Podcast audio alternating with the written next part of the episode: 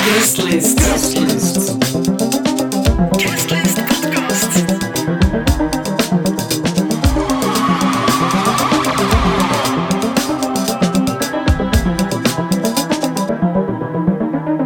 Hey, hallo.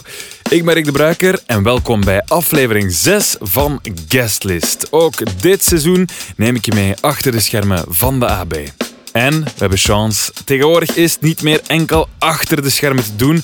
Woehoe, Eureka. Nee, vanaf zondag 5 september gaat het gebeuren. Dan gaan we in de AB hier weer open. We gaan zelfs aan de bar drank kunnen bestellen. Hoe lang is dat wel niet geleden? En dan kan ik eindelijk deze nog eens gebruiken. Een nieuwe aflevering dus en ook een beetje een speciale. Want normaal zet ik mij met mijn gasten in de AB, maar het was vakantie en de AB die was dicht. Dus ik nodigde Wim van de Keibus, Pieter-Jan van Assen en Astrid Stokman uit in mijn eigen living. Om het te hebben over hun werk, maar vooral natuurlijk over muziek. En misschien eens wat andere muziek dan dat je gewend bent van de AB. Want we hebben het deze keer over klassieke muziek, over theater en over dans. Want je weet het misschien niet, maar de AB die gaat al jaren veel verder dan enkel de nieuwe popgroepjes uit eh, de UK. Nee, Anne-Theresa de Keersmaker, Jan Fabre en Wim van de Keibus, ze waren hier kind aan huis in de jaren 80. En die laatste, Wim van de Keibus, die debuteerde zelfs in de zaal van de AB. Letterlijk, dus niet op het podium, nee, echt in de zaal. Maar dat hoor je straks allemaal wel. En met Astrid Stokman en Pieter-Jan van Assen heb ik het dan weer over hun muziektheater Dance of the Seven Veils, waarmee ze in december in de AB staan. En ik heb het ook met hen over eh, hoe ze graag muren tussen genres willen breken en hoe ze heel erg vaak hun eigen comfortzone moeten verlaten. Jij mag gerust in je eigen comfortzone blijven zitten het komende uur, want als je blijft hangen, dan hoor je ook hoe ik Tessa Dixon naar een concert van een eh, post-metal band stuur. Welke band jij moet ontdekken volgens de AB-baas Tom Bonte. En je komt ook te weten wat Sophie Engelen, Pieter Jan van Goefer in de Lara Chedraoui en Jasper van Biezen van de Songfestival podcast nu echt denken van de hype van het moment, Måneskin. Welkom bij aflevering 6 van. Guestlist.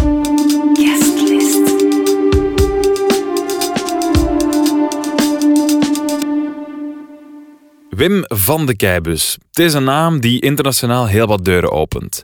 Wim is dan ook al ja, heel wat jaren een serieus begrip in de danswereld. Met zijn dansgezelschap Ultima Ves stond hij al op podia over de hele wereld. En om te dansen is het natuurlijk ook wel handig om wat muziek te hebben natuurlijk. En dat is gelukkig ook hoe Wim van de Keibus erover denkt. De laatste jaren werkte hij voor zijn voorstellingen al samen met een pak grote muzikanten. Onder andere David Byrne, Mark Ribot, Maro Pavlovski, Trixie Whitley. Ze zorgden allemaal al voor de juiste riedels bij die danspassen. Ik sprak Wim in mijn living midden juli. De dag nadat hij eindelijk weer eens op een podium had mogen staan met een nieuwe voorstelling. We hebben het uiteraard over dans, maar ook over zijn eerste shows in de AB, over samenwerken met die grootheden, over eh, TikTok zelfs, maar uiteraard ook over muziek. Heel, heel, heel veel muziek. Goedemiddag, dag Wim. Goedemiddag. Goedemiddag, Wim. Ehm, je zit hier, we zijn juli, we gaan het eerlijk toegeven. Als de aflevering uitkomt is het september, maar we zijn nu juli.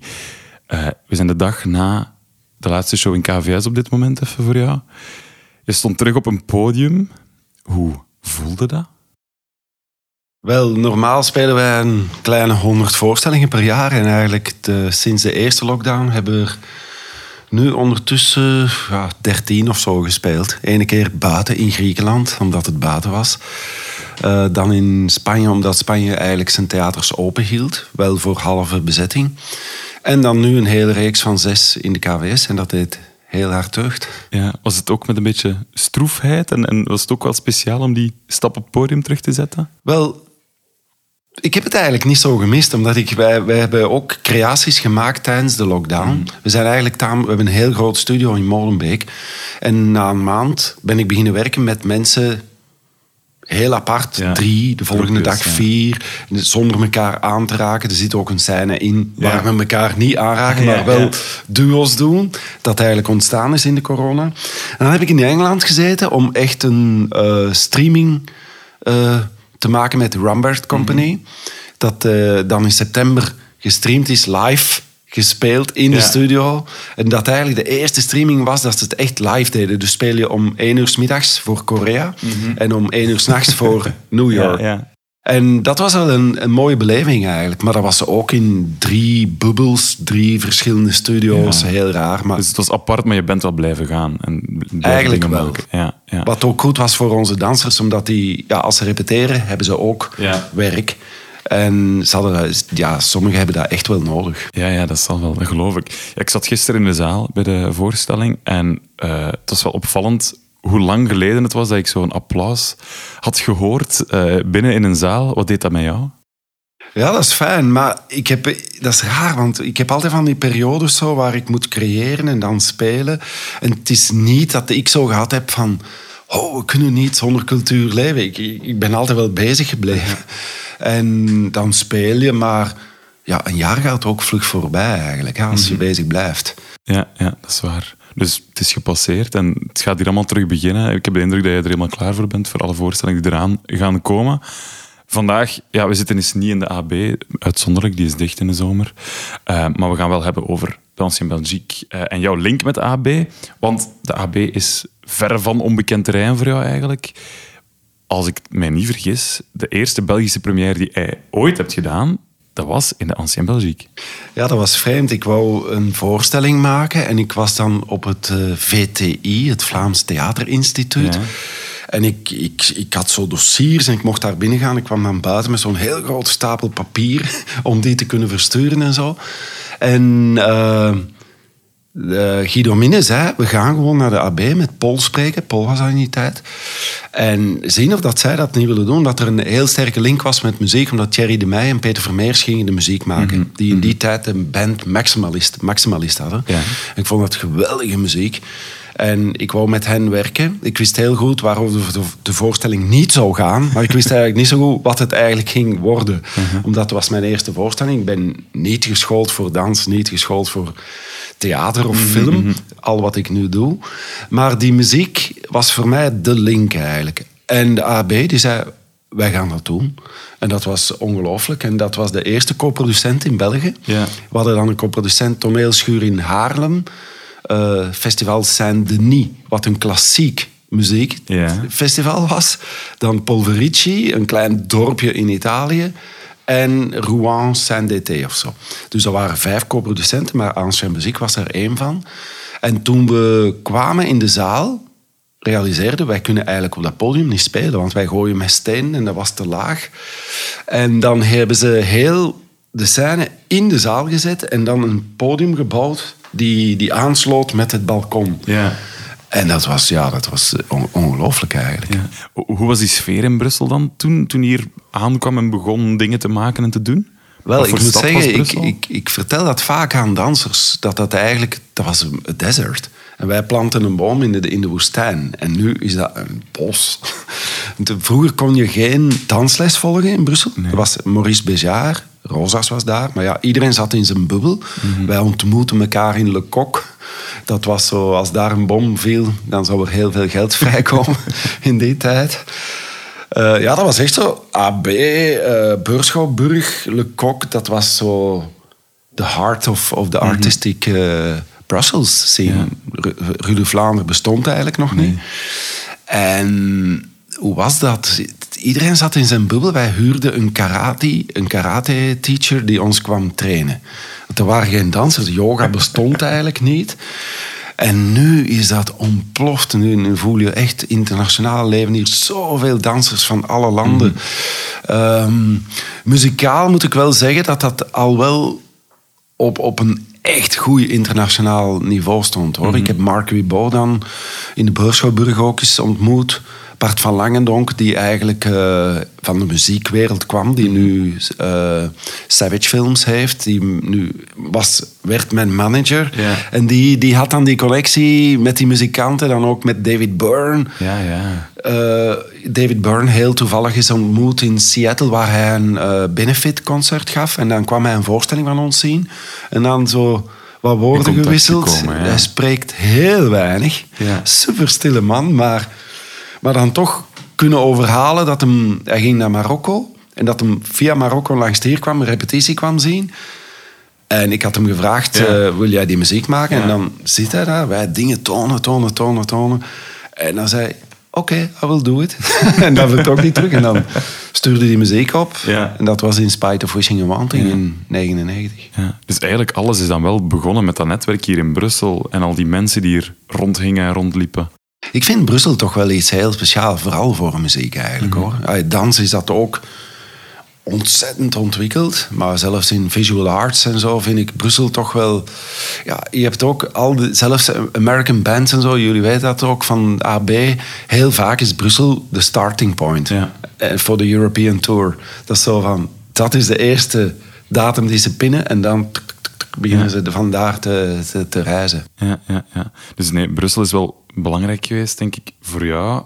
En als ik lees over, over jouw eerste dagen en, nu de recensies jaren later, dan lees ik heel vaak... ehm Wim van de Keibus, zijn eerste werk was een, een revolutie in de danswereld.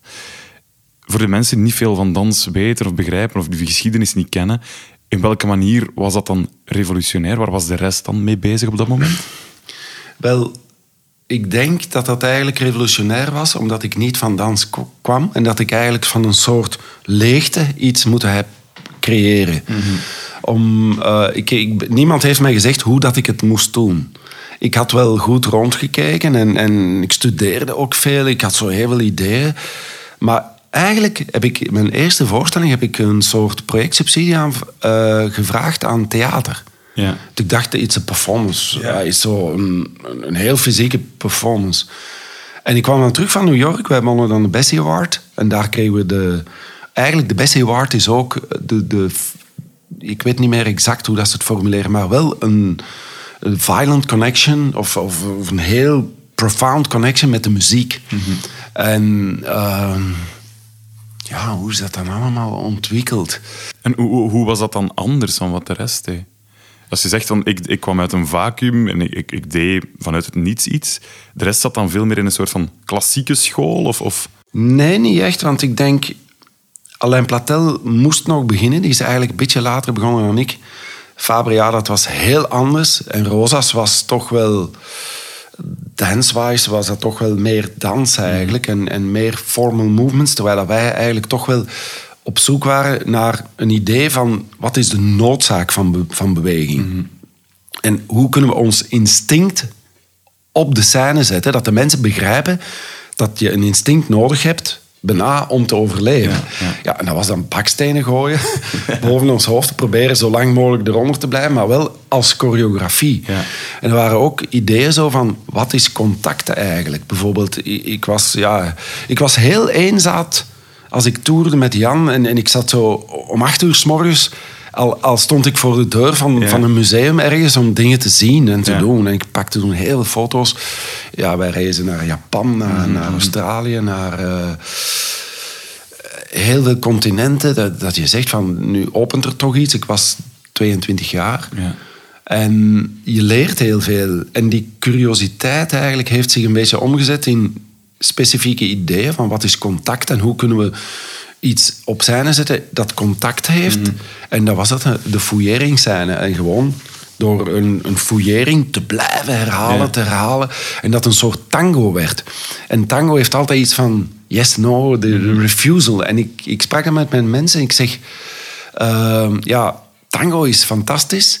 Maar als wij gaan tango leren, dan gaan we tien jaar naar Argentinië. Dan Ja. lachen de Argentijnen nog met Ja, ons van... ja. This is no tango. Nee. Dus ik zei, we gaan onze eigen soort tango eh, touching scene doen. Met de fouilleringsscène. Ja, en dat is een ongelooflijk historische scène geworden. Du- Duets die, die prachtig waren, maar die heel formeel begonnen. Ja. En door herhaling... En dan echt eh, passionele duo's werden met muziek van Thierry. Die muzikanten die staan regelmatig bij werken ook prominent op het podium, op, mee op de scène. Hoe kwam dat je daarbij kwam? Dat dat, dat, dat moest, dat dat... Heeft dat zo'n invloed op hoe dat publiek daar naar kijkt, hoe je dat ervaart?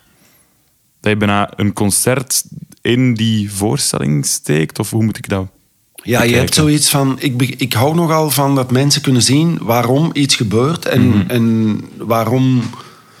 Ja, dat is, dat is ook raar. Soms, als je op scène gaat en je begint te dansen, heb je zo van... En er is geen reden om te Ja. beginnen. dan kun je al niet beginnen eigenlijk. Dan, ofwel ben je bezig met formal movements.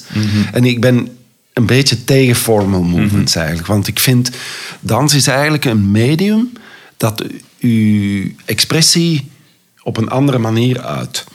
Zoals eh, woorden, wij spreken nu om elkaar iets mee te delen, dus give and take. Maar eigenlijk is dans ook zo. Het was een ritueel voor de geboorte of voor, voor iemand die sterft, was een andere dans. De regendans was een andere dans. En zo primitief is het eigenlijk. En we, we zijn dat toch wel een beetje verloren, denk ik. En daarom was ik echt in het begin op zoek naar bewegingen die, die, die echt moesten gebeuren of er gebeurt een accident. Natuurlijk kun je dat niet blijven doen. Er zijn altijd mensen die zeggen, waarom gooi jij nu niet nog, nog terug stenen? Of zo heb ik gezegd. Ja, ondertussen zijn we wel ergens anders. Maar het blijft wel... Ook duets doen hebben wel een soort risico. Je moet een soort vertrouwen hebben. Je moet het doen. Zelfs nu in de dansscholen. Ik gaf nu les in Spanje. En dat waren allemaal mensen die allemaal in dansscholen zaten. In Nederland. In... En ongelooflijk, maar heel weinig van die mensen die al drie jaar op school zitten, hebben contact. Dat is, het is veel gemakkelijker om de teacher do, does something and you Ja. just copy the, the phrase.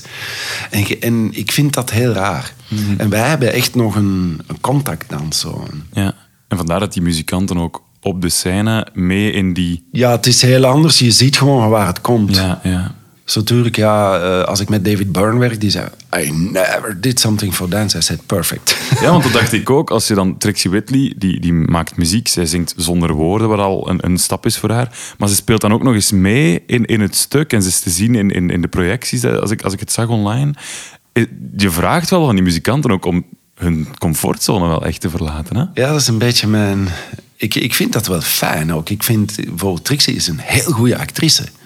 Zij moest dan plots eh, iemand spelen. En in het Engels, ja, ze is natuurlijk eh, Engelstalig, geen probleem. Maar mijn hoofdacteur was eh, British, Jerry. En die, die kan heel veel accenten. Ja. En die zaten dan samen. En zij zei dan... En, en die zei, ik zeg, ja, we, we moeten nog beslissen hoe dat we dat Ja. nu gaan doen. Want hij kan Manchester English en dit, dat. Maar Trixie spreekt Amerikaans. En dan op vijf minuten hadden ze beslist van, dat ze allebei een Engels accent Ja. gingen doen. En ze deed dat zo perfect, maar met zo'n charisma. Ja. Dat zijn ook wel... Meestal zijn mensen, muzikanten toch wel goede performers zeker. Mhm. Mauro, zelfs Elko, Jeroen Stevens, die hebben nu zelf eigenlijk een, een stuk gemaakt dat ik onlangs ging zien, waar ze eigenlijk de muziek maken, maar waar ze dansen of performen Mhm. als solo. Elke, elke drie, drie solos samen. Ja, dan voel je gewoon... Elko, die begon te dansen en een verhaal te vertellen en te doen. Dan zeg je, ja, wat, dat zijn straffe mensen eigenlijk. Omdat die gewoon dagelijks heel hun leven al op zijne stonden. Hoewel dat ze meestal heel shy of, of een beetje raar zijn, laten we zeggen, in het persoonlijke leven. Maar op scène bloeit dat op. En dat zijn ook de beste acteurs eigenlijk. Ja, De stilste mensen die zo echt leven op scène en die dan alles daarin geven. En niet de mensen die super blij zijn om, te kunnen acteren. Dat zijn niet de beste. nee. Die, die overacten heel hard. Dat snap ik. Dat snap ik. Ja, je hebt het over muziek al een paar keer. Allee, het is heel duidelijk als je ook over muziek praat, dat je daar ook heel veel ideeën achter hebt en, en, en weet van dat moet daar naartoe gaan en dat moet die vorm en dat klinkt zo. En je zegt net daar zelf, ik heb een playlist samengesteld voor Trixie en Mark Ribot die dan daarmee aan de slag gingen. Hoe belangrijk is muziek in jouw dagelijkse leven eigenlijk? Wel, ik luister veel naar de radio, omdat je dan eigenlijk dingen krijgt die je zelf niet aanbrengt. Ik, ik heb dus niet, bijvoorbeeld ook als ik ga, soms ga sporten of doen, ik heb nooit oortjes in. O- Ik, ik hoor graag de geluiden van de wereld, maar eh, soms natuurlijk als je op zoek gaat naar muzikanten of nieuwe dingen, is dat wel belangrijk. Ik heb Trixie ooit gecontacteerd voor een, een voorstelling waar die enkel met vrouwen was, heel lang geleden. Zij was echt opkomend beginnend. En dat was niet het juiste moment. Ze had niet echt een band en zo. En dat was zo, oei, ja, laten we ons dat even laten rusten. Dus je contacteert ook wel mensen waar je eigenlijk uiteindelijk niet mee gaat werken. Ja. Dan heb je natuurlijk mensen zoals Mark Ribot en zo. Ja, ik vind hem echt de meester van muziek. Hij, hij leeft voor muziek. Hè. Ik heb opnames gedaan in zijn, in zijn slaapkamer... Waar, waar, waar, waar 60 gitaren liggen en dan ergens staat er nog wel een bed. En dat, dan moeten wij daar opnames doen. Dan zegt hem... Can you open this case there? There must be a guitar in that is special. En dan, dan open je dat, stemt hem dan, zet hem daar nieuwe snaren op, hop, en dan hij daarmee bezig. En, ja. die schrijft ook noten uit. Hè? Dat is echt iemand die... Dat is een klassieke muzikant. Ja, hij speelt dus de dingen van John Zorn die enkel hij kan spelen. Hè? En ja, ik zie Mark en dan ook voor de film en dit en dat. Hij is niet makkelijk. Veel van de muzikanten zijn echt niet makkelijk. Ja. David Byrne wel heeft wat, wat geduurd ook om hem te bereiken. Eh, zelfs David Eugene Edwards van Woven Hand en 16 Horsepower. Ook toevallig gezien. Eigenlijk is Tom Barman die, die, die met hem zei van go and see that. Ja. Dat was raar. En dan ben ik dat gaan zien. En dan proberen hem s'avonds ergens te... En dan kwamen we plots, zaten ze in, in de zebra of zo. En wij zo binnen. En ik vertelde... Ja, en die was totaal niet geïnteresseerd wie ik was. Er waren daar een paar danseressen bij. Dat was dan het attractiepunt. Want die, ja, die mannen zijn op tour. Maar dan toch, een week later, speelde hij in Zweden of zo. En hij me geschreven van... Kan ik niet, u niet komen zien om er iets over te praten? En dan toch het vliegtuig gepakt, hap, Ja. en zo in, in een heel klein clubje hem gaan zien, daarover gebabbeld. En dat was ook zo van... Met super weinig woorden, zo van... Oké, I can do that. Ja. Spreek je dan over een soort van klik die je moet voelen, ook met die ja, grote namen dan, David Byrne, grote naam uiteindelijk. Eh, En, en is dat een klik die je moet voelen voordat je weet van met die mens kan ik samenwerken, met die... Ja, ah, dat is, dat is wel heel belangrijk. Ja. Dat is hetzelfde met schrijvers of zo. Ehm, ik vind, goede muzikanten moeten eigenlijk niet zeggen wat ze moeten doen. Je moet vooral tonen waar ze muziek voor moeten maken. Dus toon hen dingen, maar zeg niet... Ah, ik heb iets in mijn kop of hier Ah, ja, wil ik ja. dit of dat. Ik doe dat eigenlijk niet. Dat is eh, maar het... Kan iedereen om met die vrijheid? Ja, ik ben ook wel goed als we dan toch, want vaak gebruik je wel al iets dat ze nog ergens hebben liggen of doen. Ja, of ja. ook heel goede nummers te kiezen, die ze dan zeggen, ja, maar we gaan die terug opnemen, want die, die kwaliteit is niet goed. En dat ze dan achteraf zeggen, nee, nee, nee, die, die was beter, we gaan het, Origineel gebruiken. ja, het origineel gebruiken. En oh, vooral met X Leg It en zo hebben we echt nummers gehad, zo van, ja, ehm, hoe werkt dat? Dat is zo anders, maar... eh, ja, ik werk ook niet veel met klassieke muziek of Arvo Part of heel de neoclassiek dance. Die werken toch heel veel met hetzelfde componisten. We hebben prachtige muziek, dat is niet Ja. dat. Maar die heel beschrijvend is. En bij mij is die muziek soms... Komt die van totaal iets anders, maar die past daarop. Maar het moet wel passen. En ook hoe je, je tussen zijn... Eigenlijk, een goede voorstelling maken is vooral ritmisch en dramaturgisch ook. Dat moet in elkaar... Dat is eigenlijk like een soundtrack. Ja. En eh, ja, ook met Mauro en zo.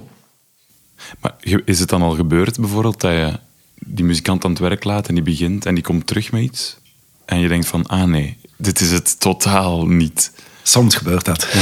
ik heb bij David Byrne één ding gehad, want ik heb hem toen overtuigd, want hij, hij dacht dat hij alles zelf kon doen. Ja. Hij en zijn computer, poem, poem, Ja. poem. Dus alle trompetjes waren computerized. Want eh, een groot nummer van Dance on Vaseline is een nummer van 20 minuten geworden. Maar om een song tot 20 minuten te herwerken, want dat is ook, je moet muzikanten hebben die, die nummers kunnen schrijven die 12, 13 minuten duren, die een climax hebben. En dat is niet zo gemakkelijk met songwriters. Want een, een song is... Drie minuten, vier Ja, minuten. ja. Ja. Ja. En onze scènes zijn soms langer. En ik zeg dat dan ook. En, maar ik heb dan David wel overtuigd. Ik zeg, ja, we hebben zo'n goede muzikant hier. Eh, kunnen we niet een opname doen en dat live maken? En dan is Ad gekomen met zijn trekzak, eh, Bart, Bart met zijn trompet en, en Erik Slagim. Iedereen kwam af gewoon om met David Byrne te werken. Ja. En hij is daar dan aan de slag mee gegaan en heeft dan een mix gemaakt. En ik zei, dat is niet goed. Dat was plots, je voelde, David was iemand die niet eh, mensen kan regisseren. Dus die niet kan zeggen, I want this and nothing else. En die liet die doen, maar plots hadden we eigenlijk muziek van al die spelers waar hij iets mee deed. En dat werd zo'n big band ding. en ik zo van... En dan zijn we aan de slag gegaan met het eerste deel. Het was eigenlijk zo, het veranderde op 16 minuten, waar echt de finale moest komen, Ja. werd dat plots dat. Ja. En ik vroeg dat en dan ja, kregen we een mail. Zo, David did what he had to do. Want ja, dat, dat was Ja. ook voor heel weinig geld in die tijd natuurlijk. Ja, we- maar hij deed dat wel, hij is, hij is heel vriendelijk. En dan, dan zijn wij aan de slag gegaan met dat eerste deel, echt zo hermixed. Met Pierre Vervloesem, Mhm. die, die, die, die ook meespeelde. En die eigenlijk geweldig. En die, dat is hermixed geweest. En gitaar en reversed en dit. Maar echt Ja. een climax gewerkt. We hebben dat opgestuurd naar David Byrne. En eh, we kregen dan terug een mailtje van David says everything is fine. Dus dat is onze soundtrack. Maar op zijn cd staat wel zijn versie. Ja, ja. Omdat hij anders rechten zou moeten betalen aan. Je hebt er net al gezegd dat je met eh, dan, Mark Ribot en, en Trixie Whitley heb je nu recentelijk, eh, re- relatief recent, met die Balkanmuziek gewerkt. Je hebt ook al Braziliaanse invloeden gaan halen en, en, en overal wel een beetje muziek gehaald.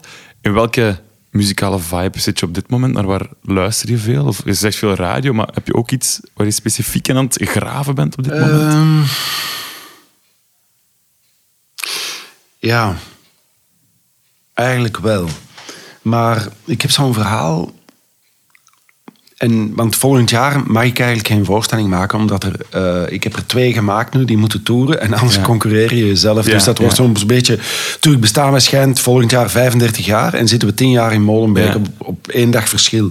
Dus we gaan wel iets speciaals doen.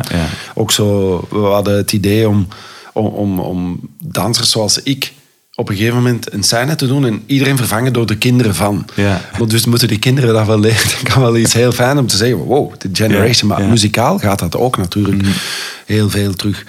Eh, momenteel, ik heb een verhaal van Hephaestus, dus de fallen blacksmith. En dat is zo, ja, eigenlijk de zoon van Zeus en Hera, die niet tegen het lawaai kan. Ja.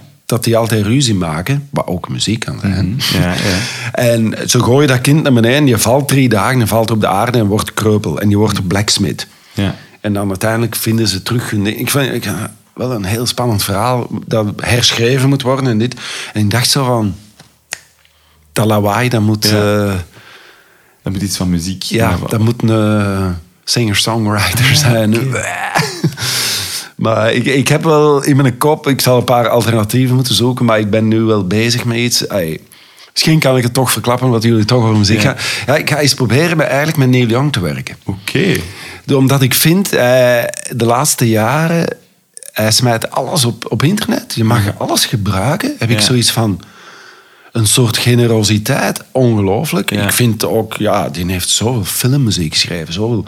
Maar ook als je in zijn archieven graaft, ik heb Ja. dat zo een beetje zitten doen, zeg je, ja, maar dit is ongelofelijke muziek. Ja, ja. Voor die zo hard past bij wat wij doen eigenlijk, Mhm. bij mijn dans.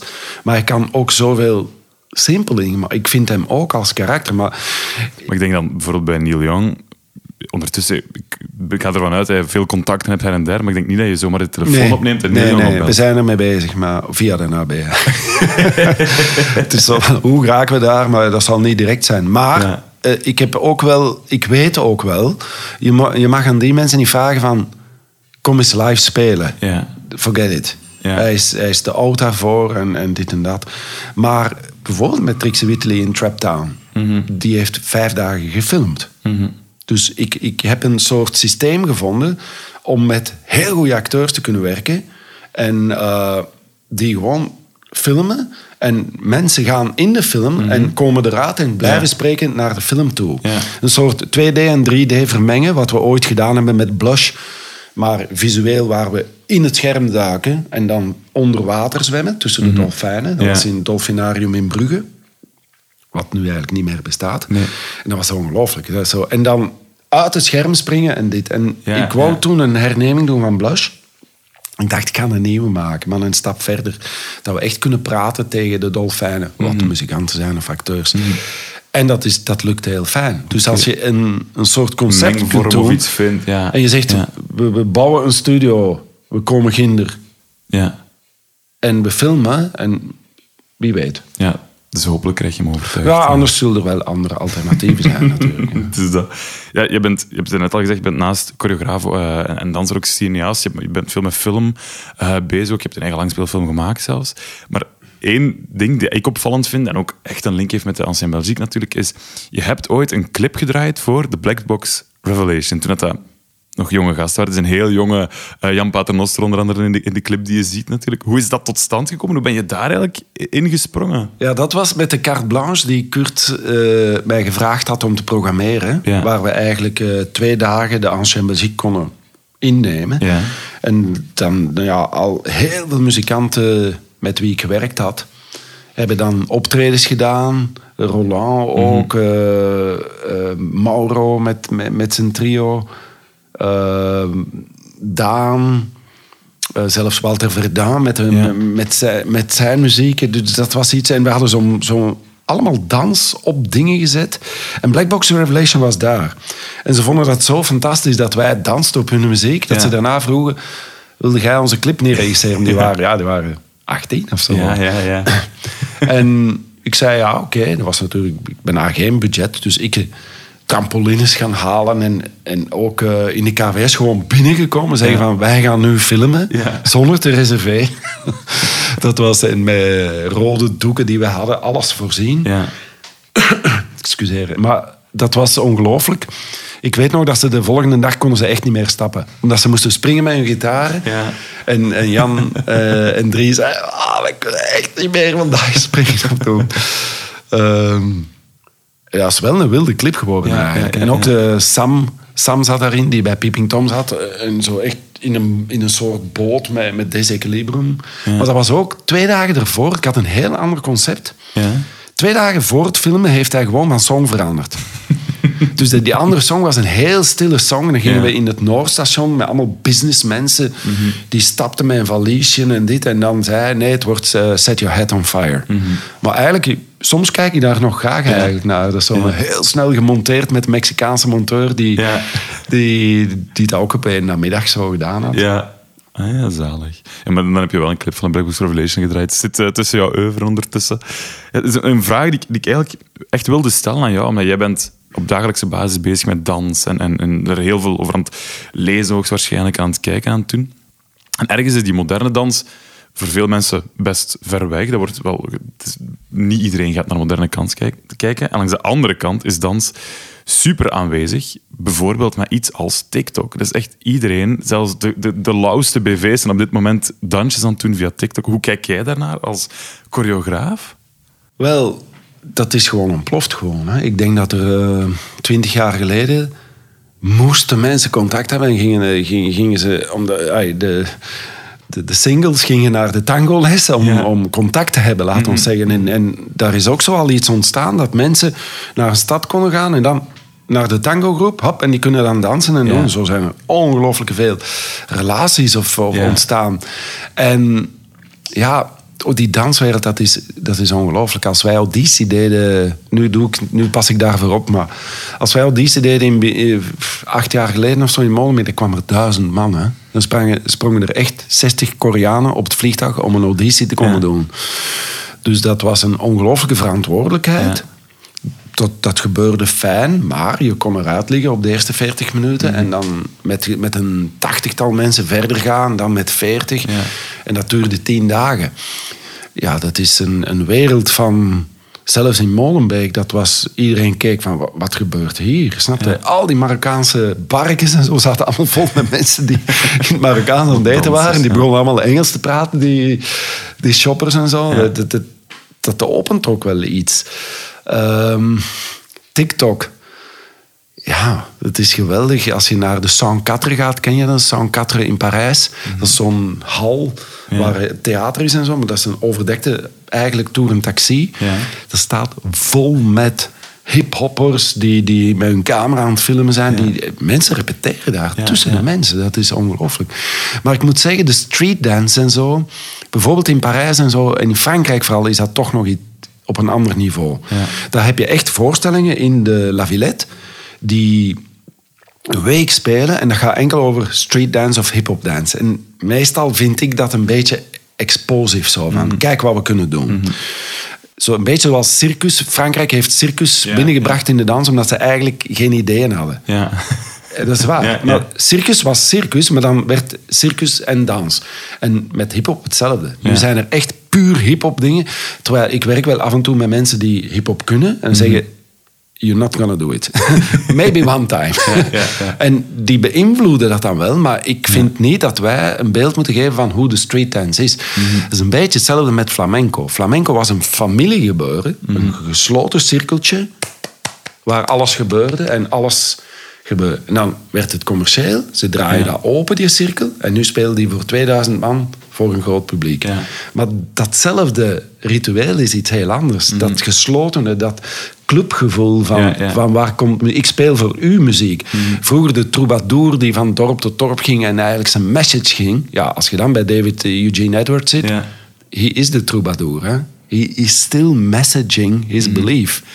En dat voel je ook als die zingen, dat dat niet zomaar iets is om te passen in iets anders. En ik denk met TikTok heeft het ook wel, ja, het is een beetje gelijk de likes, hè, zo van I have to be seen. Maar Tuurlijk is het wel goed dat iedereen uit zijn luie zetel komt en zegt van ik moet dat hier wel gaan doen. en waarom niet? Ja, Nee, nee, dat snap ik. Alright. Dankjewel om langs te komen voor de graag podcast. Merci om eh, over van alle zaken te vertellen. En eh, ja, hopelijk tot snel in Ancien Belgique. Misschien nog eens met een, een voorstelling. Of met Neil Young, eh, als, als het kan. Hè. Laten we het hopen. Merci. Ziti e buono, ziti e buena, bueni. Ik kan het nog steeds niet, sorry, maar ik denk eerlijk gezegd dat ik daar wel een van de enigen in ben, want het lijkt echt een enorme, enorme, enorme hype. De hype eigenlijk van de afgelopen maanden. Måneskin. Italiaanse rockband die in een snel tempo ja, Europa veroverde. Na het Songfestival volgde de podia van zowat alle grote festivals. En voor de een is Måneskin de redding van de rock'n'roll, voor de andere de zoveelste carnavalsgroep in de ultratop. Maar wat denken de professionals ervan? Wel, ik vroeg het aan radiohost Sophie Engelen, DJ Pieter Jan Simons van Goefer in de Notto, frontvrouw Lara Chedraoui van Intergalactic Lovers en podcaster Jasper van Biezen van de Eurosong podcast. Belden hen op met de vraag Måneskin, underrated of overrated? Ik vind ze ehm, overrated omdat het wel heel snel is gegaan. En ehm, op basis van, van één, twee, misschien drie nummers eh, zijn ze eigenlijk naar wereldfaam gegaan, wat toch heel snel is. En, ik zeg voorzichtig overrated, omdat ik hoop dat het geen bubbel is die, die gaat ontploffen. Ik vind ze juist perfect gerated. Is dat ook een optie? Ik begrijp de hype helemaal. Ehm, ze zijn sexy, het is rock and roll, het is gitaarmuziek. Ehm, het hele plaatje klopt. Måneskin is zeker zo na corona iets waar mensen nood aan hebben op wild, sexy en out of control. Eh, ik vind ze aanwezig. Wat ik wel vind, is dat muziek zo altijd al een beetje een, eh, een weerspiegeling is van wat in de maatschappij aan de hand is. Of net wat er in de maatschappij mist. Beelden ze uit wat er nu aan het borrelen is in de wereld. Namelijk leren broeken, kwaad, met een beetje Italiaanse drama? Of, of is het net gewoon zo ja, een statement maken van alles kan en alles mag? Persoonlijk doet het mij niks. Ik ben eh, ja, enorm blij in de eerste plaats dat eh, ja, het Songfestival zo'n eh, band oplevert. Dan kan toch niemand meer zeggen dat het Songfestival niet meer relevant is. Je zag meteen toen zij daar kwamen op het Songfestival dat zij echt een soort ehm, concert brachten. Het leek wel alsof je niet naar het Songfestival zat te kijken, maar ik had het gevoel dat ik echt naar een concert keek van de groep zelf. En dat is volgens mij een van de redenen dat ze gewonnen hebben omdat op dat moment in heel Europa concerten, ja, dat mocht niet, hè, festivals werden overal afgelast. En dan heel veel mensen zagen wat ze eigenlijk wouden. Ze wouden een concert zien. En Måneskin eh, heeft er echt op ingespeeld door ja, op eh, de vloer van het podium te gaan liggen en, en rond te springen. En we hebben een paar keer in Italië gespeeld. En het is wel iets dat veel Italiaanse bands doen. Heel veel show. Ehm, dus, dus ik denk dat dat zoiets ook gewoon tra- ja, iets traditioneel is of zo. die hebben lange haren, die hebben make-up. Ik bedoel, het is niet nieuw. We hebben het allemaal al gezien bij Motley Crue en bij Kiss en weet ik veel hoeveel andere bands. Ehm, maar dat komt terug, hè. Alles komt terug. En ik vind dat tof. Dat alleen al is, is het eigenlijk de moeite om, hun, om er toch geloof in te hebben dat het iets blijvend gaat zijn. Eh, omdat ze wel vechten voor de rock'n'roll en ze staan ervoor en, en ze stralen het uit. Ze hebben heel goed begrepen dat rock'n'roll ook iets visueel is.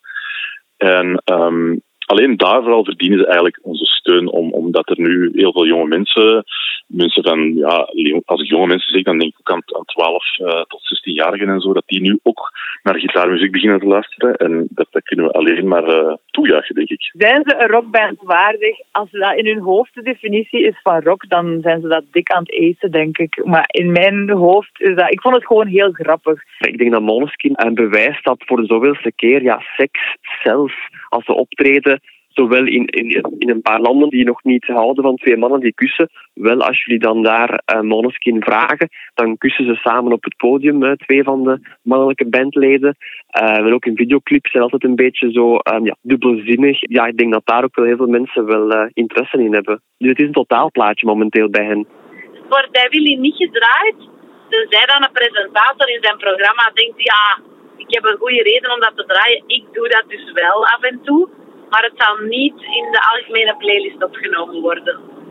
Ik denk vooral dat ze tegen zijn omdat ze het uh, te populair vinden. Vanaf dat iets te populair is en ook hè, door alle zenders ook wordt opgepikt, dan is het ineens niet meer cool. En wel, dat vind ik dus bullshit. Ik denk dat vele mensen van de oudere generatie het niet cool vinden omdat het allemaal al eens gedaan is. En dat is een beetje een zure reactie van, ja, ja, maar vroeger hadden wij die, die en die en die. Ja, vroeger is gedaan. Het is nu. Je hebt het daarnet nog gehoord. Moderne dans en de AB, het zijn twee handen op één buik. Maar wist jij dat AB ook niet vies is van uh, klassieke muziek? Tijdens een verplichte pauze, genaamd corona, zette de AB zijn schouders onder een heel aantal nieuwe projecten, waaronder ook Dance of the Seven Vials. Het is een project van onder andere sopraan Astrid Stokman, bassist Pieter-Jan van Assen en zanger Colin van Eekhout van Amen Ra. En je hoort het al, die drie namen samen, dat is geen evidentie. Maar ja, muziektheater in de AB is dat op het eerste gezicht ook niet echt. Ik heb het met Pieter Jan en Astrid dan ook over hokjes denken, de verschrikking van de rockopera, acteren met een contrabas en ook over de spanning om in december eindelijk weer in de Ancien Belgique te mogen staan. Goedemiddag, dag Astrid, dag Pieter Jan. Astrid, Pieter Jan, als ik kijk naar jullie uh, recentste werken die jullie hebben uitgebracht of naar buiten hebben gebracht, dan eerlijk gezegd zie ik niet meteen een match. Je hebt een klassieke zangeres en dan heb je iemand die muziek uitbrengt op uh, Consoling Sound, een label vol experimentele metal muziek. Uh, klassieke muziek, metal, dat is een match bij Evanescence, Wit and Temptation en dergelijke. Maar dat is totaal niet de richting die jullie uitgaan. Maar gelukkig. Ja, nee, ik denk het ook niet. Waarin zit de match tussen jullie twee, Pieter Jan? Ik denk dat de match in het contrast zit eigenlijk. Ja, Mhm. Net dat er zo weinig overlap is. Als je nu een, een grote orkestbewerking zou zien en je neemt daar een soliste bij die zingt, dan is het het allerhoogste instrument van, van toonhoogte en het allerlaagste. En daartussen haalde alles weg en dat, is- dat zijn wij dan, dat schiet er dan van over. en dat heeft eigenlijk altijd gewerkt, ja, denk ik, hè, vanaf het eerste moment dat dat wel werkte. En natuurlijk ja, moet ik wel zien dat er, dat er voor Astrid ook wat, wat hogere dingen in zitten om, om mee te werken. Want ik denk als ik enkel van die lage bassen zou smeren, Ja. of als het heel metal zou worden, wat dat bij mij niet altijd, zeker niet altijd het geval is, dan zou het misschien moeilijker zijn. Maar nu Ja. is het niet zo moeilijk om elkaar daarin te vinden eigenlijk. Ik denk het contrast, dat dat een match is eigenlijk. Ja, dat is mooi gezegd. Maar wat, ik heb daar nooit bij stilgestaan van wij zijn verschillend of weet ik veel wat. Ehm, ik weet nog, de eerste keer dat wij iets maakten samen, dat dat ook heel vlot ging. Gewoon. Ja. Dat jij mij heel veel inspiratie geeft gewoon, eh, met het tapijt dat je legt. Dat, dat, dat is heel belangrijk, gewoon, wat je daar doet. En, en dan komt dat eigenlijk vanzelf. En dat heeft altijd van in het begin muzikaal en wat, vriendschappelijk ook geklikt. Ja. ja. Ik heb daar mij ook nooit veel vragen bij gesteld. Nee, nee, nee. Ik denk ook niet dat wij daaraan begonnen met het idee van wij willen iets maken zoals dit of dit of dat.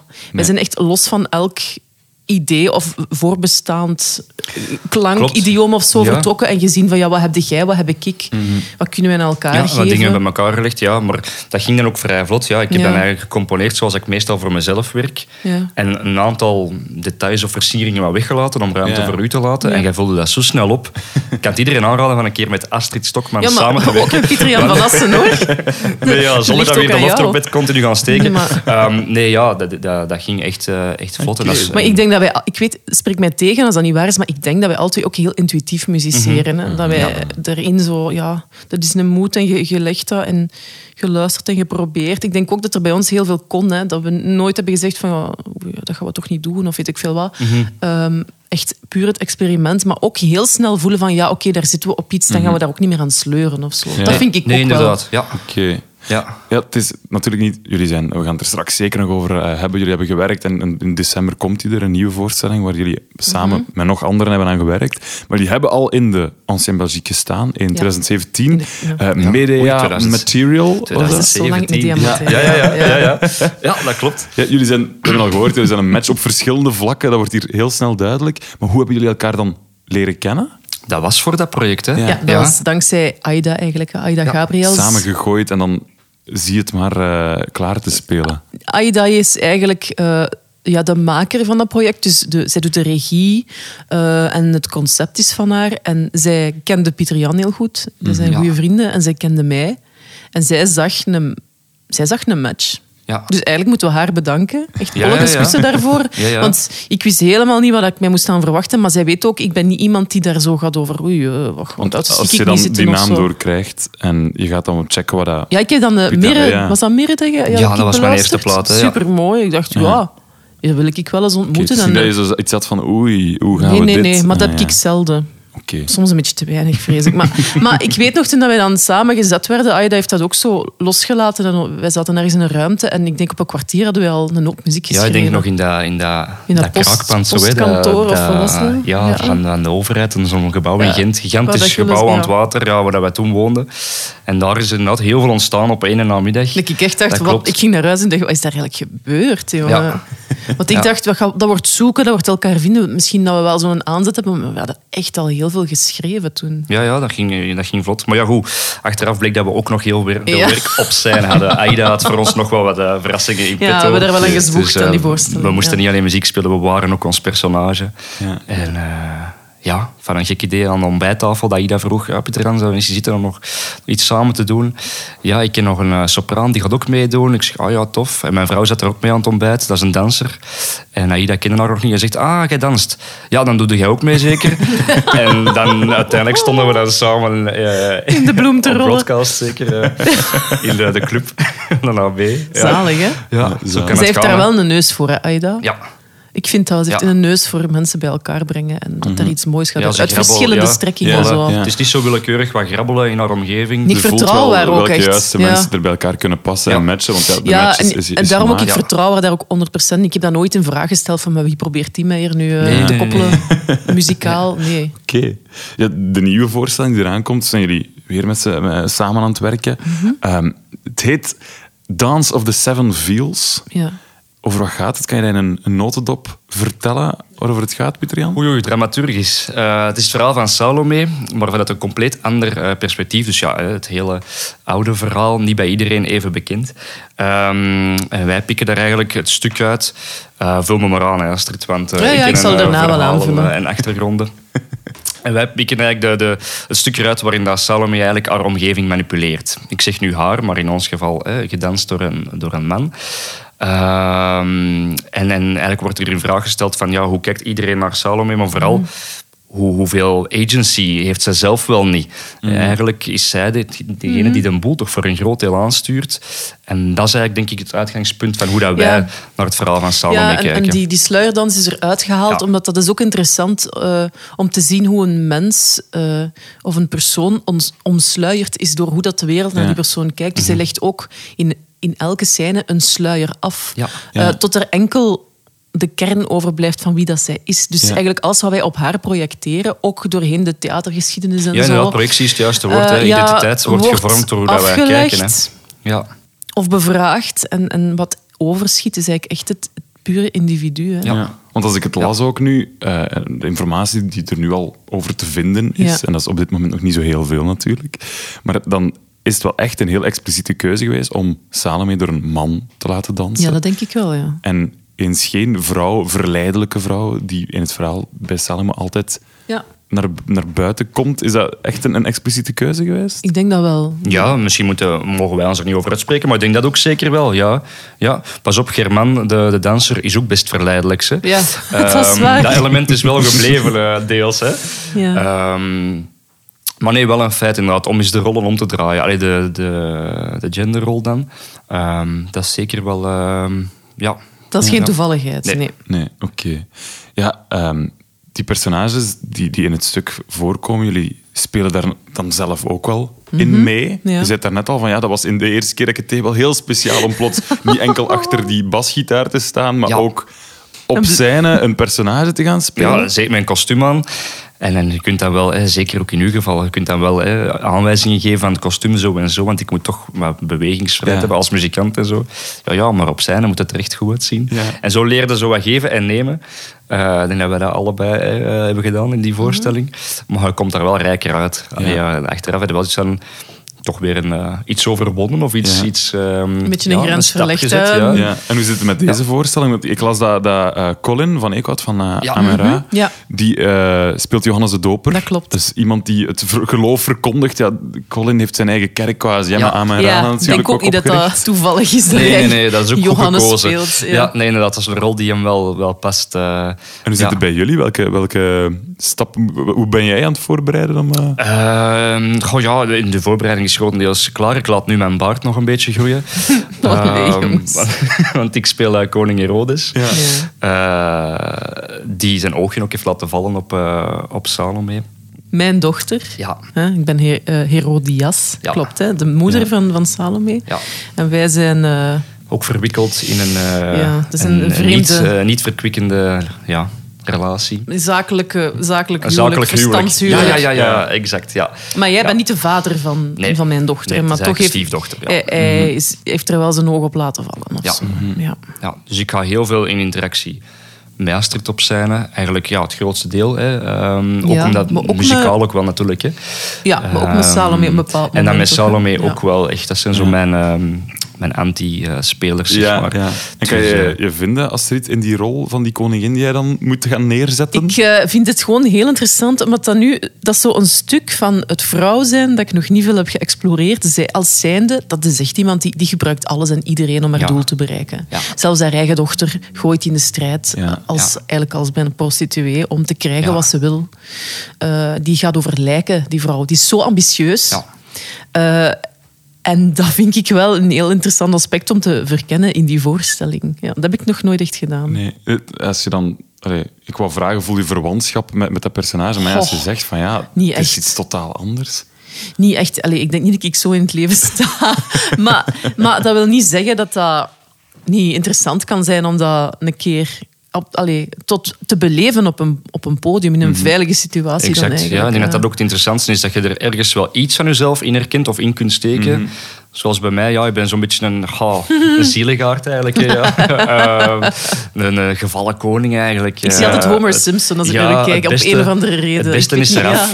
Zo eh, ooit wel een grote koning geweest. En een beetje waarschijnlijk. ladderzat af en toe. Ja, ja. veel orgieën, veel eh, braspartijen en zo. Eh, Maar eigenlijk toch ook een beetje zo een hondje dat overal achter ja, loopt. echt zo, wel. Zeker achter hè, de, de vrouwtjes en zo. Nu ben ik nog aan het denken aan stukken waarin ik mezelf echt herken. Eh, het is ook wel iemand die, die, die, ja, hè, voor, voor die, eh, ja, ehm, nogal gesteld is op vermaak, op eh, hè, zich amuseren. Ja. En neem het leven niet al te, al te zwaar. Misschien is dat nog het Ja. meest, meest persoonlijk van mij. Ja. Ja, dat, eh, als koning Herodes smilt op het podium, dan... Dat kan ik goed. Maar voor Ja, de rest moet ik vooral buigen en lopen. En Ja, eh, ja, ja. maken dat ik niemand... eh. Ja, Ja. of omvergesmeten wordt eh, Oh. door mijn eigen vrouw of dochter. Ja, ja, de personages, dat is, dat is één kant natuurlijk, want jullie die gaan nu dat moeten spelen en brengen, maar die muziek moet ook gemaakt, geschreven worden. Hoe begin je daaraan? Je hebt, oké, we hebben gekozen voor het verhaal van Salome dan, die, die, die zeven sluiers, seven, seven Veils is dan het stuk. Hoe begint dat? Zitten jullie samen terug dan in, in, ergens in een kamer in het Gentse en dat start? Of hoe moet ik dat? dat, er is een libretto geschreven op voorhand, dus Ja. de tekst is daar, of het materiaal. Dus het is niet dat die tekst ons gegeven wordt en dat we daar 100% aan moeten houden. Dat vind ik al goed. Want vaak krijg je een tekst en dan gevoel van dat bekt niet of we geraken er niet mee weg, die structuur is raar. We mochten echt doen wat we wouden Ja, daarmee. mocht van nul groeien eigenlijk. En als ik mij niet vergis, in januari hebben wij eens een paar dagen samengezeten, drie of zo. Ja. En hebben we eigenlijk zo qua zitten experimenteren met die tekst, met Ja. het materiaal dat we alle drie hadden. Colin, ja, ik en Colin had ook en Colin had nog een residentie denk ik, in CC ja, Strombeek ja. in het najaar. En dan hebben we Dat er ook zo toch wel al wat ideetjes verzameld, al een paar dingen voor de zekerheid opgenomen om maar op terug te kunnen vallen en zo. Maar En wederom, dat ook laten groeien weer al. Hè? dat ja. was er toch ook weer heel Ja. snel, vond ik. Ja. Ehm, Ja, maar nu moest voor- er nog een derde puzzelstuk Ja. inpassen, hè, eh, Colin. Die, die ook uit een ander genre komt. Ja. Veel, Natuurlijk, ja. de- Dezelfde sfeer Ja. als wat ik doe, maar veel zwaarder, harder. Dus dat was ook wel Ehm, afwachten, maar, maar eigenlijk klikte dat heel snel. Hè? Ja. Muzikaal. Eh, en een paar maanden later, ja, hadden wij terug repetitie en die voorstelling stond daar toch redelijk snel weer. Ja, allee, dat is... Is dat nu te wel zeggen? eigenlijk, nee, ja. ja, nee, dat is als je gewoon een, een goede klik hebt met mensen, dan, Ja. dan is het uiteindelijk, kun je heel snel op de details beginnen werken. Ja. Omdat je voelt van, oké, hier staat al iets. Eh, Mhm. die structuur is er. Ja. Wat voor mij ook heel hard werkt, is zeker. ehm, wij zaten toen in lockdown of zo, en dan was de ontmoeting muzikaal met Pieter, Jan en Colin. Je hoort zoveel dingen die je niet gewoon bent. Dat geeft zoveel inspiratie en zuurstof. Ik heb dat toen enorm gevoeld. Zo eindelijk nog eens musiceren met, met twee muzikanten en dan nog Ja. uit een ander genre, uit een andere wereld. Die brengen zo hun eigen dingen mee en dat... eh, ja, dat steekt echt een vuur in u aan. Dat geeft ideeën. Je, je, je breekt zo wat uit je normale wereld. En, en dat inspireert zo hard. Ja, deugd, ja. Dat, eh, dat kunnen Ja. we wel stellen, ja. Ook dankbaar gewoon dat wij mochten blijven doorwerken. Hè. Ja, Eh, absoluut. eh, dat wij mochten blijven repeteren. Zit daar het grootste verschil, eh, zit daar het grootste verschil in, in die, die dynamiek met die mensen tussen elkaar, tegenover dat je muziek voor jezelf aan, aan het maken bent, als, als innerwoud dan Mhm. voor hun eigen plaat aan het werken bent?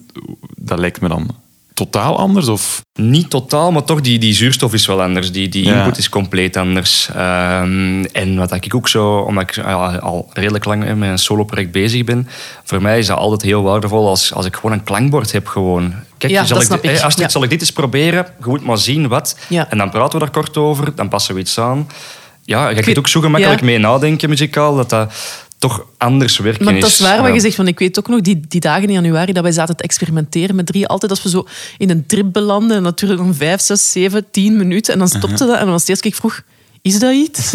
Zo, ik zo, was, dat, was dat iets? Ja. Is dat, zitten wij op een, een spoor? Ja, terwijl dan- als je alleen bent, dan moet je dan dat voor jezelf van- proberen uit te Ja, filteren. ja, Dat is vind ik niet veel altijd moeilijker. gemakkelijk. Ja. Want soms dacht ik van, maar dit is toch wel veel te maf. En maar dan die andere twee zat er zo te schudden van, ja, ja, ja, ja, ja. Nog eens. Deze is het, Nog opnieuw. eens, ja. Snap je? Ja, ja, ja. ja. Dingen die Dus- je er zelf misschien niet zou inlaten. Of dat je, Nee, nee. Of dat je niet direct ziet denkt, of snapt ja, en dan- ah, dat is wel goed dat we daarmee zijn Inderdaad. doorgegaan. Goed Ja. dat toch één iemand zei dat dat dan de moeite was. Ja, of zo. inderdaad. Ja. ja, want ik denk voor jou, Astrid, je bent een klassiek geschoolde muzikante. Normaal breng jij muziek dat al geschreven is, werk van anderen dat Ja. je op podium brengt. Is dit dan de verademing waar dat je wel lang naar gezocht hebt, bijvoorbeeld? Of Ik weet vind dat het wel kan me leuk dat ik ook zelf iets Ja. mag maken. Ja, zeker. En ik wil dat ook allee, graag blijven doen, op een of andere manier. Ehm, ja. Ik vind het heel mooi om dat klassieke geluid mee te pakken. Mhm. Maar ik ben wel to- toch wel heel blij dat ik ook een keer iets mag maken. Allee, ik heb dat nu al gezegd, maar dat geeft mij inderdaad heel veel energie. En, maar ik ben daar op dat vlak dan inderdaad wel heel dankbaar dat ik omringd ben met andere mensen die ook maken. ehm, die mij daar een beetje bevestiging in kunnen geven ook of zo. Ja, ik denk Want wel- uiteindelijk is dat een soort van improviseren dat wij doen. Allee, dat ik doe, het improviseren wat ik wel gewoon ben in klassieke muziek, Ja. maar dan met ander materiaal. Eh, ja. Ja, ik ben wel benieuwd ja. soms zo wat dat wij zouden brengen als we allebei van een partituur zouden spelen. Als iemand iets voor ons zou schrijven, ik ben Dat wel benieuwd wat dat, dat zou ja. geven. Maar Ik denk dat dat heel raar zou zouden er- klinken. Ja, de dat zou niet ons erin zijn. zitten. Dat zou niet Nee, ons We moeten zo wat een korrel in kunnen steken. Inderdaad, een klassiek geluid, zeker uw stem. En, en bij mij ook, als ik, als ik meer doe die, die, ja, die trager, lange Mhm. halen of die harmonieën opbouw, dan, dan heb je daar zeker klassieke knipoog. Eh, of neoclassiek, zeg maar. Ja. Ehm, dat wel. Maar Want- er moet toch een korrel aan zitten. Zo, Ja. ehm. Want het is, jij komt van die klassieke kant, jij komt dan van, vanuit die metal kant ook, ook wel. Dat je, Als liefhebber, als muzikant Ja, niet. nee. Hè. Eh, ben, ik heb nooit eh, een goede metalgitarist of bassist geweest. Eh, nee, ook niet geambieerd, want dat is een, een genre apart. Nee, als, als liefhebber, maar Ja. ik heb ook gewoon mijn, eh, mijn muziekopleiding gevolgd. Want het zijn niet de genres meteen waar ik meteen denk aan van. Dat die heel progressief zijn. Dus het moet dat zijn om een goede metal te zijn. Het moet dat zijn om, om klassieke muziek te zijn. Eh, is dat ik, ik heb het gevoel, Astrid, maar verbeter Ja. mij als dat niet waar is, hè, dat jij bijvoorbeeld ook wel echt er een beetje jouw persoonlijke strijd van hebt gemaakt om die klassieke muziek uit dat soort hokje te halen. strijd is misschien een groot woord, maar dat is echt wel mijn stokpaardje of zo. Ehm, omdat ik merk ook, ik heb dat pas gemerkt toen ik uit het conservatorium kwam, toen ik echt in het werkveld stond, dat wat mij triggert en blij maakt, zijn projecten ehm, die ofwel interdisciplinair gaan of over genres gaan, ehm, die niet standaard of heel ehm, ja, klassiek zijn, maar ook die publieke aanboren die misschien niet zoveel eh in aanraking komen met klassieke muziek of zo. Dus als je die dingen combineert, kom je daar natuurlijk wel. Maar ik ben ook van nature iemand die graag experimenteert. En daarom hou ik ook zo van muziektheater, wat dat wij nu eigenlijk ook doen. Dat is echt een laboratorium bijna, waar dat alles kan en alles mag bijna. En we zullen wel zien of het iets Ja, is of niet. En dat ligt mij wel... In dat opzicht ben ik ook blij dat ik mag zelf muziek schrijven of maken dan. Maar ik denk dat het... Ik weet het niet, maar is het tijd voorbij dat er dan vanuit de klassieke kant raar gekeken wordt als je zo'n dingen begint te doen? Weet ik niet. Ik denk dan... Denk, Daar heb ik zelf ook geen zicht op. Ja, misschien Oh. dat sommige mensen die, die, als ze nu naar deze voorstelling komen kijken, gaan er misschien wel mensen zijn met andere verwachtingen. ja, Of als ze daarom scheef gaan kijken, weet ik niet. Maar dat is heel persoonlijk, hè.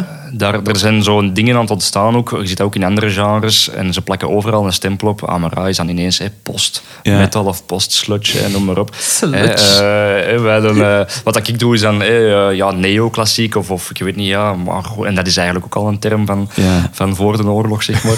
Ja. Ehm, dus dat is niet altijd gemakkelijk. En de voorstelling die wij nu gemaakt hebben, mochten dat een genre moeten geven. Ja, muziek, theater, maar dat klinkt ook zo'n beetje kneuterig eh, soms.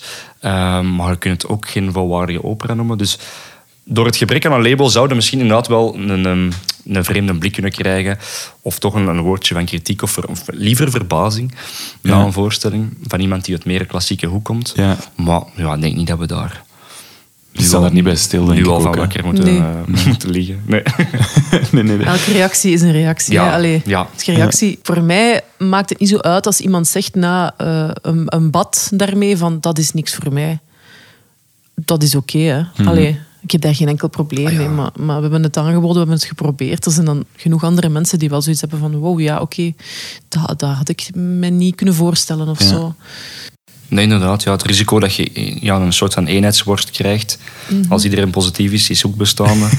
dus eh, nee, het kan toe geen kwaad dat er iemand zegt ja, ja ik vond het Nee. wel, wel interessant, maar hè, dat is dan zo'n Ja, woord dat ja, je dan ja. hoort. Hè. Dat is ook onvermijdelijk, hè. Ja, ja, maar dat is, dat is goed. Zo persoonlijk. Mhm. Ja, jullie zijn eh, niet enkel die, die grenzen van eh, de, de genres aan het overschrijden met wat jullie doen. Het is ook eigenlijk ergens wel opvallend dat jullie in de Ancien Belgique daarmee staan. Hè. Jullie zijn nu aan het voorbereiden geweest al een Ja. aantal dagen. En in Ja, december Maar is het in de AB te Dat doen. vind ik nu wel echt kicken. Dat je kunt gaan klassiek gaan Ja, zingen hè. in de AB. Dat vind ik nu toch echt... Ja, daar ben ik heel dat trots op dat dat kan. springen en dansen in die grote zaal. Ja. Maar dat is ja. ook... Allee, ons eerste project is opgepikt door Kurt, hè. Ja. Kurt Overberg. En die was daar zot van. Maar die kende u al, hè.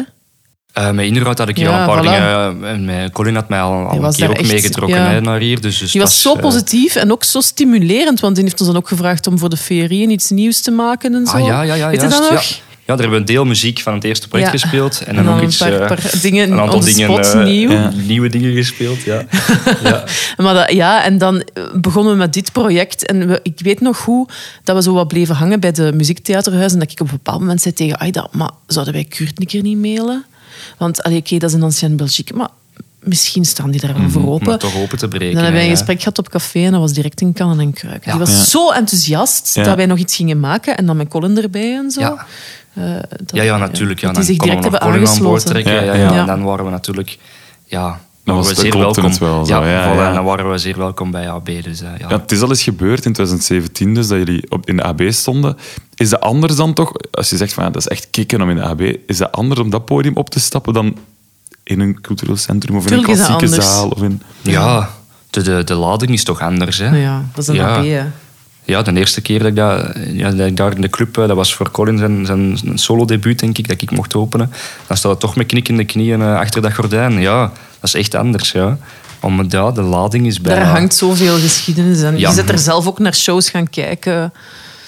En allee, ik, vanuit mijn opleiding had ik er nooit bij stilgestaan. Er een optie was dat ik ooit op het podium zou staan. Maar nu dat dat kan, denk Ja. ik van wow. Net zoals ik dacht dat ik nooit in een theaterhuis zou terechtkomen. Ja, ja, voilà. Misschien als muzikant bij een voorstelling. Ja. Maar nu sta ik gewoon mee op scène. Ja. Ehm, dus er komen ook wel een aantal interessante speelplekken aan. Dat je dan nou denkt, allee, Maar ik vind dat ergens ook gewoon kicken, omdat ik zoiets heb van... Zie je wel dat dat kan? ja. Klas- klassiek of een klassiek geluid in zo'n rocktempel. Ja. Eerst, eh, waarom niet? Voor mij is dat echt zo Dat bijna... ja. Ik zit daar Ja. net wel zo helemaal in het begin, hè, zo, zo die, die mix van de, de rock- en de popwereld met de klassieke muziek, dat is niet altijd even Geslaagd bedoeld, of smaakvol verlopen of Ja, zo. zo op die manier. Ja, maar wat het- denk je nu concreet? Is er iets dat je... Bijvoorbeeld als je kijkt naar de rockopera's die gepasseerd zijn. Ja, in de ja, Dat is Ja. een genre dat vaak geprobeerd is. Hoe Ah, kijk ja. jij daarnaar als, als, als klassieke muzikanten dan? Geen guilty, pleasure zo? Maar eh, zoals wat dan bijvoorbeeld? Queen, eh. Ja, maar Queen vind ik wel goed. Allee, ja, sorry. Ja. Dat is kitsch, maar ik vind dat, ik vind dat ongelooflijk. Er zijn dingen die je gezien moet hebben, ja, dat is waar. Ja. Eh, ik- allee, gewoon de groep hè, en, en die muziek. En, en dat, is zo, dat heeft zoveel persoonlijkheid. En ik denk dat die ook muziek maakte met het idee van... We hebben er echt lak aan, aan alle conventies. En als ik hier iets wil doen dus met, stemmetjes die eh, Galileo eh, aan het hinneken zijn, Ja. dan ga ik dat gewoon doen. en dan heb je mij al mee. Ja. Als je zoiets hebt van... Fuck you, ik ga dat doen. Dan wil ik dat zien. Dan denk ik, ja, show me. Dus op dat vlak ben ik wel fan van Queen of zo. Ja. En van rockopera's. Ja, maar ik denk, mochten ja, mocht een een rockopera... Ik denk niet dat ik ooit al een echte rockopera gezien Nee, heb, eigenlijk. Nee, ja, Nee. dat is in de AB ook... Ja, Ik denk niet dat dat... Ja. Ik heb het ook nog Maar niet dit is ook geen rockopera, hè? Ah, nee, nee, nee. nee. Dat is het ook, absoluut Als we niet. toch labels blijven zoeken, moeten we dat al zeker Dat moet je schrappen. wegsmijten, ja. Dat, dat is het Rockopera niet. wordt het niet. Oké, No dat gaan way. we, gaan we onthouden. Ja, wat voor publiek verwachten jullie? Wie denken jullie dat er gaat Ah. op, in die Goeie zaal staan? In die AB, want die moet gevuld worden, die zaal Ik denk natuurlijk. dat, Wie het zijn? publiek misschien wel even divers gaat zijn als, als onze achtergronden. Je zult mensen hebben die, die eigenlijk ehm, zodanig fan zijn van Amara eh, dat ze zeggen, oh, dat wil ik zeker ook gezien hebben. Je zult mensen zijn die Astrid al, al, al drie jaar volgen of, of eh, Mhm. eh, noem maar op. En misschien is er zelfs iemand die mij kent, je weet nooit. Eh, Tuurlijk. Dus ik denk dat dat, dat, dat wel gaat loslopen. Die zal wel, zich wel vullen. Maar ik denk dat dat ook een divers publiek zal zijn. Ja. Ja. Ja, en dan de, de, ik denk de vaste... Goh, de, de vaste persoon die, die ja, op zoek is naar frisse dingen, naar wat vernieuwing en die daarom af en toe eh, de Brusselse cultuurhuizen aandoet, zal misschien bij ons ook zeker wel eh, belanden. Ik denk het wel, als je zo de, de, de promobeelden ziet en de promotekstjes, ik vind het wel, al zeg ik het zelf, ik vind het wel Jij prikkelend. zou gaan Jij kijken. zou een ticket kopen. dat is het. Ik Ja, zou een ticket ja. Dat zegt al veel. Ja. Jullie zijn nu in voorbereiding naar eh, december, want dan, dan staat het er. Zijn er nu al stukken, scènes waar jij om stresst, Pieter Jan? Ja, nu niet meer, omdat we, we hebben het eigenlijk hebben al een paar keer gespeeld. hè. Maar Allee. omwille van COVID, hè, voor Ja. vijf Ja. tot tien man, afhankelijk Ja. van Voilà. hè, waar. Ehm, maar dus nog altijd, geen, de première was voorzien voor eh, 27 april. Ja, Eh, zoiets in de dus single zo. En toen waren eigenlijk klaar. Ja, Ja, het was dus is zo in de met ijskast. zo'n ja. Het is wel een beetje bizar, maar we gaan dat wel op tijd Dat gaat wel goed eh. zijn, die première daardoor. Dat heb Ja. ik wel een paar keer gezegd als we dat zo speelden. Van, man, dat gaat nog nooit zo klaar geweest zijn Ja. voor een pro- Dat Ja. gaat echt goed Ja. zijn. Allee, ik, ik heb het niet over het goed vinden of zo, maar gewoon wat wij gemaakt hebben, gaat daar echt... Dat gaat draaien, dat Ja, gaat voilà, er het staan. gaat zijn wat dat wij wilden doen. dat gaat ja. lukken. Maar stress, eh, nee, ja, er is een, een tamelijk niks. intense openingsscène. Maar Ehm, allee, ik, ik ik, krijg, je- ik krijg daar warm van en dan eh, ja, is zijn er mijn snaren iets minder. scène eh. wat later dat je, dat je en dan toch... is er, ja. Ja, dan is er nog één. Ja. Maar daar mogen we niet te veel Eh, weggeven, Nee, nee, nee, inderdaad. Maar daar haal ik toch wel mijn danstalent een beetje boven. Ja. Eh, Dat is grappig, er is zo altijd één scène in elke voorstelling waar dat Pieter Jan er zo wat weerstand voor, voor Ja. heeft in het begin van, Ja. dat ga ik niet doen. Nee, nee. En dan En doet hem dat het wel, en dan ja. amuseert hem zich Blijkbaar rot. mijn, mijn Ja. verdedigingsmuur voor dingen die ik niet graag doe, is echt heel laag. Ja, dat is- Iedereen breekt daar gewoon Maar het door. rare is dan ook, als je dat doet, dat is echt zo... Je, zit dan, allee, je vindt dat leuk, je ziet dat, dat je er echt van geniet. En dat is ook echt zo... Voor mij is dat het hoogtepunt van de Ja, voorstelling. ja, ja, ja, en dat ja, ik weet wel exact welk stuk dat je bedoelt. Ja, kijk, we kunnen er niet te veel over zeggen. Ja. maar eh, veel ja, geteased, inderdaad. oké. Ja. Ja, Je moet Ja. echt gaan kijken. Ja, echt wel. Ja. Ja. Ja. al is het maar daarom. Oké. Ja. Ja, de muziek aan zich, eh, is dat dan bijvoorbeeld ook iets waar jullie denken, die voorstelling is er in december, is dat iets dat dan... Kunnen we de cd ook kopen op, op, op- bij die voorstelling dan bijvoorbeeld? Of Eh, binnenkort dat zal dan nog niet, aan, nog niet eh, klaar of aan de orde dat zijn. op opgenomen, tafel, hè? dat is wel een idee. Maar dat is zeker wel, wel een dat piste, wel- want ik denk ja. dat het ook dat het zeker kan. Ja. Het is muziek, die, er is eigenlijk veel, veel werk en liefde in gekropen, die ook wel gaan staan eh, zonder de ansenering. Ehm, het is wel anders en we gaan zeker wat dingen eruit halen en wat dingen aanpassen. We hebben dat vorige keer ook zo gedaan. Hè. Eh, De, de havenplaat eh, Ja. van Ja, ons dat was samen. ook een reductie. Hè. Dat was echt een... Ja, Een hele we halen daar de luisterbaarste stukken uit. Ja, Ja. ja. We nemen dit nog eens opnieuw op.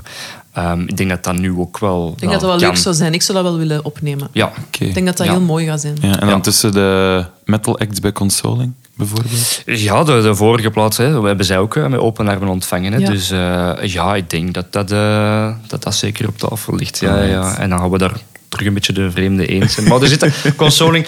Ja, het is een metal label, ja, maar er zitten nog vreemde Ja, eenden. dus dat gaat, het gaat heel breed. Echt heel wel, breed. echt wel. Maar het is wel ja, het is thuiskomen en ik denk dat onze muziek daar ook wel kan thuiskomen. Dus, eh, ja. Alright, zalig. Heel veel plezier en heel veel succes bij die voorstelling in Dank december. En eh, tot eh, in de AB de volgende keer en niet meer in mijn living. Ja, dus, eh, dat we elkaar daar mogen zien. Ja, nee, hier was het ook fijn, maar inderdaad, volgende keer AB. Yes. Top. Dankjewel. Merci. Elke aflevering stuur ik een muzikant naar een concert waar je hem of haar niet meteen zou verwachten. In de vorige aflevering stuurde ik danseres en eh, choreografe Lisbeth Gruwe naar Pukkelpop. Maar ja, dat draaide iets anders uit dan gepland. Maar in deze aflevering gaan we dat goed maken. Tessa Dixon die heeft Britse roots, maar ze woont in Brussel.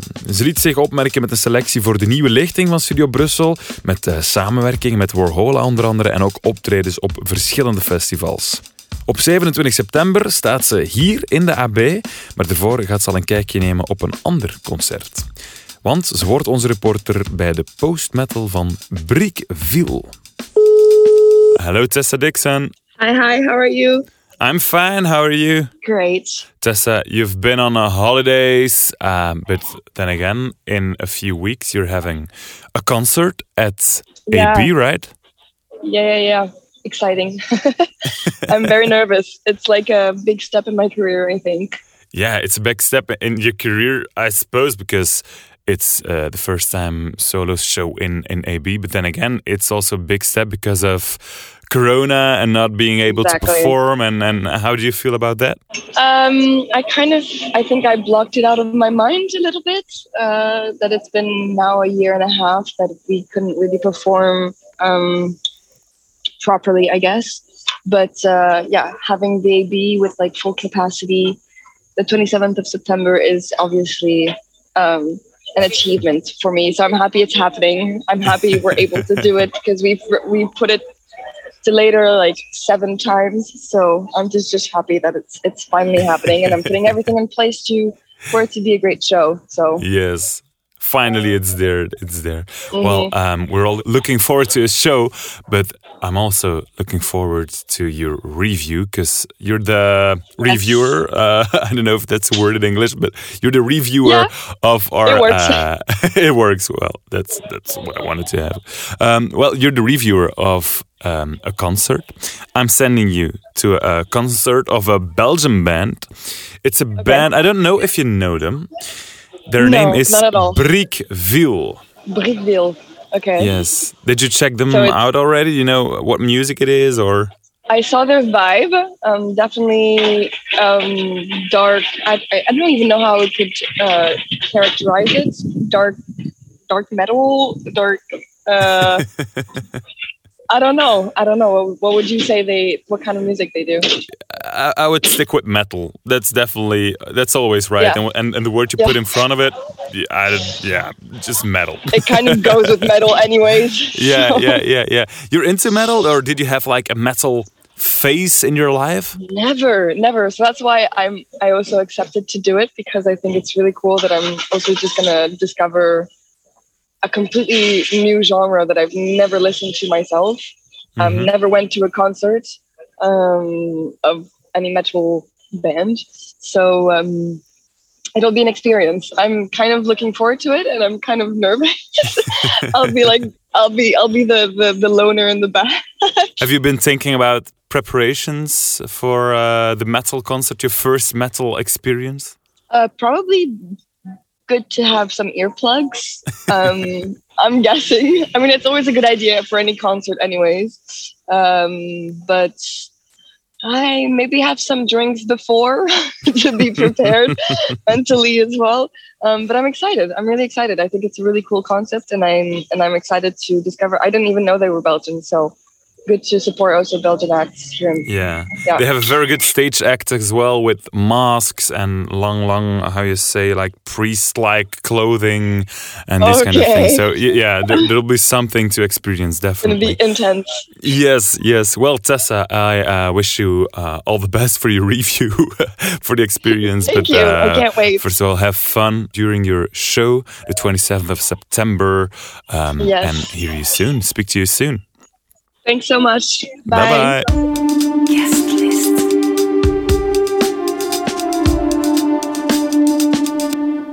Zo, dit was guestlist nummer 6.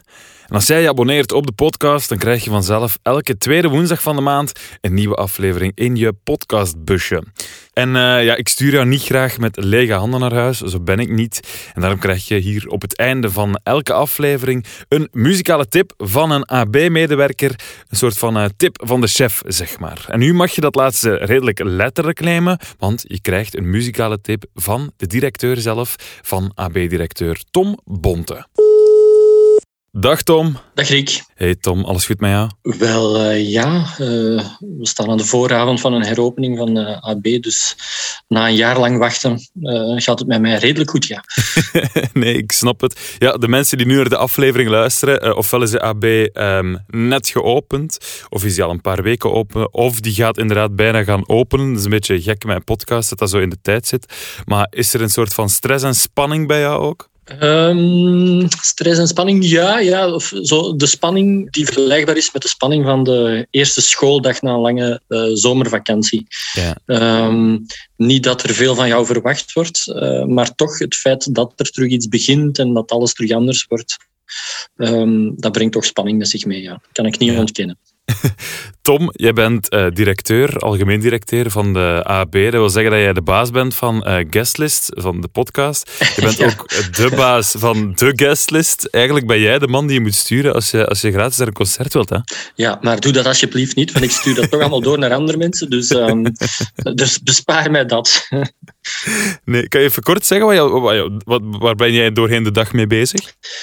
Ja, het zijn eh, rare tijden geweest natuurlijk. Hè. Dus we zijn heel veel bezig geweest met eh, toch ook wel heel wat intern overleg over hoe we telkens weer opnieuw ons moesten aanpassen aan die nieuwe COVID-maatregelen, de nieuwe situaties die er elke keer aankwamen.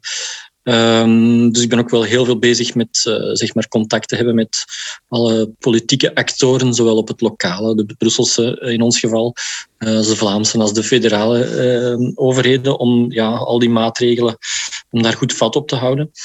Ehm, Ik ben natuurlijk ook nog altijd een stukje AB aan het leren kennen, eh, want het was een vreemd jaar in AB in die zin dat ehm, ja, het, niet zo simpel was om, om al die collega's, en dat zijn er toch op de vaste payroll een vijftigtal, om die te leren kennen, want vele van hen zaten helaas thuisloos, eh, dat is werkloos thuis.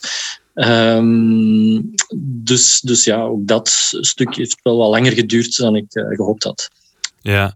Is er eh, doorheen al die eh, ja, met, met de politiek praten en, en, intern de AB daar eh, van binnen en van buiten leren kennen, ook nog tijd om af en toe muziek te ontdekken? Ja, ik moet zeggen van wel, want dit is hetgeen wat me toch op de been houdt. Ehm, ik denk dat ik niet algemeen directeur van om het even wat zou kunnen zijn.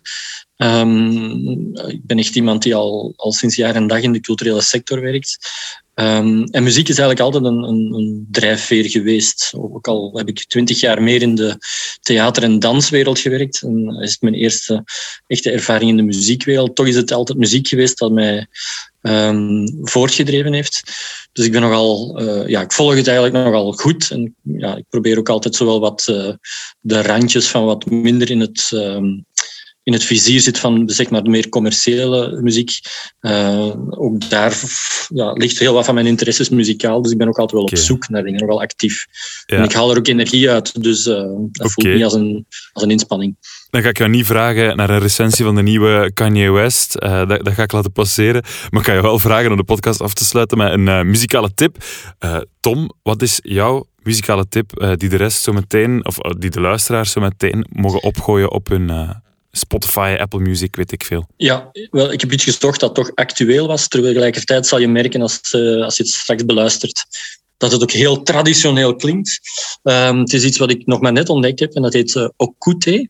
En Okute is een band ehm, uit Havana, Cuba, die ehm, op een hedendaagse manier, maar toch ook met heel veel respect voor die traditie, de rumba nieuw leven inblazen. Um, heel toffe nummers. Um, een jonge bende uit Havana die ik totaal niet kende, dus uh, echt een ontdekking voor mij. Um, heel, ja, wat dan klassiek de wereldmuziek wordt genoemd. Een verschrikkelijke term, om te zeggen dat het uh, ja, muziek is uit uh, niet-westers land, wat dat dan ook mag zijn. maar ja, ik vind heerlijke muziek.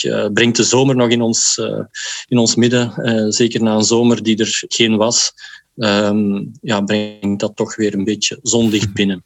Perfect, dus kijk goed. Het is een heel erg mooie om dan uh, september mee in te gaan. Uh, richting de opening van de AB te trekken ook. Misschien wel met uh, die muziek in onze hoofdtelefoon. Tom Bonte, dankjewel dat ik jou mocht bellen. En heel veel plezier en hopelijk tot aan de toog van de AB. Heel graag. Tot de volgende. Tot volgende.